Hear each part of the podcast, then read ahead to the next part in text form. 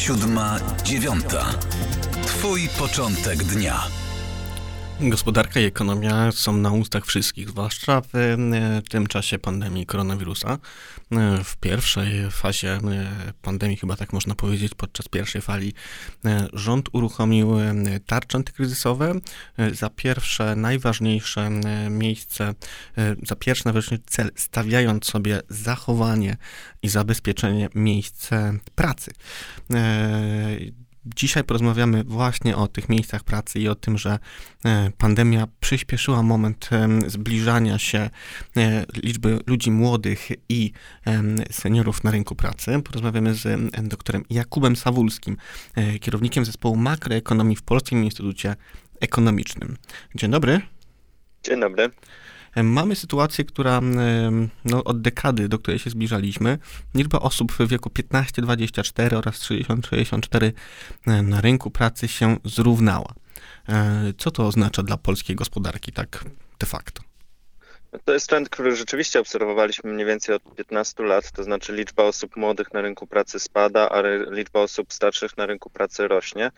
I główną przyczyną jest oczywiście demografia. Natomiast pandemia bardzo mocno przyspieszyła ten proces, dlatego że czasie pandemii, w czasie tego kryzysu, e, to ludzie młodzi przede wszystkim tracili pracę i to liczba zatrudnionych osób młodych spadła najbardziej spośród wszystkich grup wiekowych, bo mamy w tej chwili około 150 tysięcy osób młodych zatrudnionych mniej niż mieliśmy w tym samym momencie poprzedniego roku. A z czego to, to wynika? Duże bardzo duża liczba, no to wynika z dwóch powodów. Po pierwsze, e, to młodzi bardzo często pracują w tych sektorach, które były najbardziej dotknięte pandemią, czyli gastronomia czy turystyka, bo to są przede wszystkim prace sezonowe, które młodzi na przykład podejmują w czasie wakacji. No a po drugie, to młodzi zatrudnieni są w tych formach zatrudnienia, z których najłatwiej zwalniać ludzi, to znaczy albo na umowach cywilnoprawnych, albo umowach o pracę, ale na czas określony. I z tych jakby umów, z tych form zatrudnienia ludzie byli po prostu zwalniani częściej. Mhm. Zwalniani częściej ludzie młodzi, z drugiej strony wzrasta liczba ludzi, e, powiedzmy seniorów e, na rynku pracy. Rozumiem, że ten drugi trend wynika z konieczności dorobienia e, sobie troszkę do tych świadczeń emerytalnych czy rentowych, czy z czegoś jeszcze innego. No po pierwsze on wynika z demografii, to znaczy po prostu tego, że y, ludzi starszych jest w naszej populacji coraz więcej.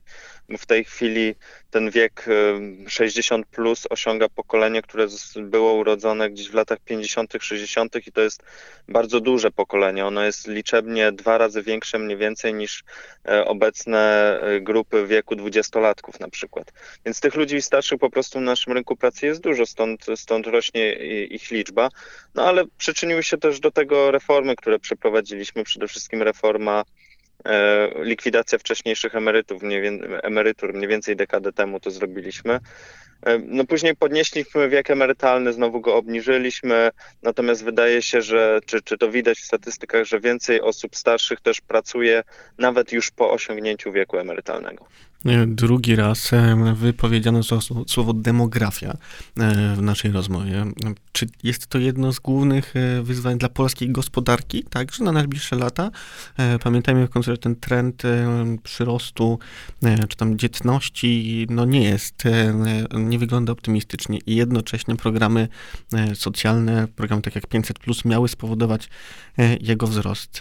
Skoro dzietność czy demografia jest problemem, czy można w jakiś sposób ją zwiększyć i pomóc w ten sposób e, rynkowi pracy, czy może odpowiedzią na to jest migracja?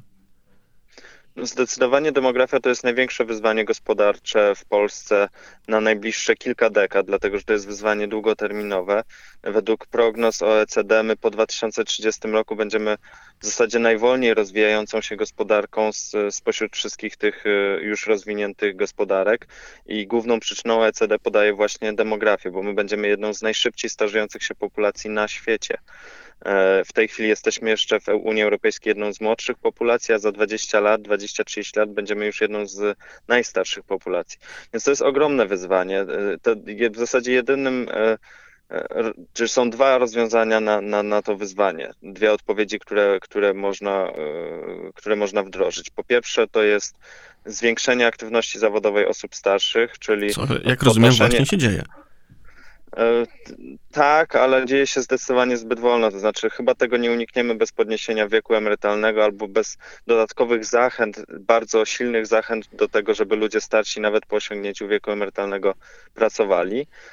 No i druga rzecz, no to jest imigracja, tak? To znaczy, to jest druga rzecz, którą możemy po, jakby poprawić, żeby, żeby ta liczba osób w Polsce w wieku produkcyjnym nie spadała znacząco. To akurat e, nam się udawało w ostatnich kilku latach, bo mieliśmy masową imigrację z Ukrainy. No, trudniejszym, zdecydowanie trudniejszym rozwiązaniem do zrobienia jest podniesienie wskaźnika dzietności, a nawet jeżeli go podniesiemy, to efekty tego na rynku pracy będziemy mieli e, najwcześniej za 20 lat. Pozostajemy więc w temacie migracji. W końcu pandemia spowodowała powrót wielu pracowników z Ukrainy czy z krajów, zdaje się, byłego bloku sowieckiego właśnie do ich krajów, na Ukrainę, Białoruś czy no, Litwy. I teraz pytanie, czy ten kryzys, który zdaje się, on nie przeminie szybko, kryzys zdrowotny, kryzys pandemiczny, e, nie spowoduje przyspieszenia tych trendów, o których Pan mówi. A druga rzecz, druga, druga kwestia, czy jesteśmy w stanie w jakiś sposób jednak e, tą migrację właśnie z części krajów postsowieckich, bloku postsowieckiego zwiększyć jeszcze? No to, o czym pan redaktor mówi, to w zasadzie już się odwraca. To znaczy, rzeczywiście widzieliśmy znaczący odpływ e, pracowników z Ukrainy i innych państw na początku pandemii, ale w tej chwili widzimy, że oni już wracają. To znaczy, że to, to, był, to była taka pierwsza reakcja na ten kryzys, natomiast w tej chwili oni już wracają i w zasadzie liczba migrantów z Ukrainy, na przykład w Polsce, co widzimy po danych ZUS-u o liczbie ubezpieczonych, ona, ona mniej więcej prawie już dobiła do tej liczby, która była przed, przed kryzysem. Więc wyda, wydaje się, że mm, jakby mm, nie sądzę, żeby ta pandemia miała spowodować odpływ imigracji w Polsce.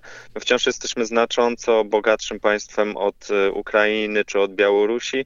W związku z tym bodziec i, i bliscy kulturowo, w związku z czym bodziec do tego, żeby ludzie stamtąd migrowali do Polski cały czas będzie spory. Pamiętajmy, że znaczną część migracji ze wschodu stanowią również studenci. E, w sytuacji pandemicznej, kiedy uniwersytety e, w dużej mierze działają zdalnie, czy właśnie ludzie młodzi, ludzie młodzi też, e, którzy migrują do Polski e, ze wschodu, e, w takiej trudnej sytuacji się znajdują. Teraz pytanie, jaka przyszłość, no właśnie, jest dla ludzi młodych w Polsce w kontekście tych trendów, niekorzystnych trendów, o których Pan mówi. Jeżeli liczba ludzi młodych na rynku pracy spada, to jest z jednej strony demografia, z drugiej strony kwestie e, umów, to może faktycznie należy zmienić w jakiś sposób kwestię zatrudnienia, to znaczy czy takie masowe zatrudnienie, na przykład na e, umowy o etat, są jakimś rozwiązaniem, czy potrzebne są bodźce, na przykład inwestycyjne, e, po to, żeby tych inwestycji, e, w których ludzie młodzi mogą pracować, było po prostu więcej? No na pewno potrzebujemy w Polsce reformy rynku pracy idącej w, tej, w, ten, w tym kierunku, żeby umowa o pracę była atrakcyjniejsza. W tej chwili z punktu widzenia pracodawcy zatrudnienie na umowę o pracę jest mm, jest najbardziej kosztowne, zarówno kosztowne z punktu widzenia podatków, jak i najbardziej kosztowne z punktu widzenia tego, że później jest jakby mała elastyczność zwalniania pracowników. No a to dla pracodawcy zawsze jest istotne. A z perspektywy osób młodych y, zatrudnienie na umowę cywilnoprawną, która podatkowo i pod względem łatwości zwalniania jest bardzo atrakcyjna dla pracodawców z kolei, to z punktu widzenia młodych te umowy są, są złe po prostu. Znaczy, mamy badania, które pokazują, że jeżeli ktoś zaczyna karierę od e, umowy cywilnoprawnej, to wpada w taką pułapkę, z której bardzo trudno mu wyjść. Jeżeli po trzech latach spojrzymy na tych samych pracowników, którzy zaczynali karierę na umowach cywilnoprawnych, to oni mają mniej niż 50% szans, że będą zatrudnieni na umowę o pracę. Pułapka zatrudnienia. A, tak, a ponad 20% szans, że w ogóle nie będą mieli pracy. E, sytuacja zupełnie inaczej przedstawia się, jeżeli pierwszym zatrudnieniem jest umowa o pracę. Wtedy te osoby e, mają dużo stabilniejsze zatrudnienie po trzech latach i dużo rzadziej wpadają w bezrobocie. Więc te, powinniśmy działać w tym kierunku, żeby pierwsza taka poważna praca, oczywiście po zakończeniu edukacji, e, była jak najczęściej pracą na umowę o pracę, bo to wtedy daje taką, daje poczucie stabilności, może wpływać na naprawdę bardzo wiele rzeczy, włącznie z dzietnością o której mówiliśmy wcześniej. No, bardzo dziękuję za tę rozmowę, czyli rynek pracy wymaga e, reformy, wymaga reformy po to, żeby ludzie młodzi mogli się na nim lepiej odnaleźć. Jakub Sawulski, e, ekspert Polskiego Instytutu Ekonomicznego. Bardzo dziękuję za tę rozmowę. Dziękuję również. E, a w tej godzinie to już wszystko. Państwa, którzy wciąż jeszcze leżą w łóżkach, e, zapraszam do wstania, bo e, zaczyna robić się piękny dzień za oknem i zapraszam do słuchania nas w następnej godzinie poranka rozgłośni katolickich, siódma, dziewiąta. Siódma, dziewiąta. Twój początek dnia.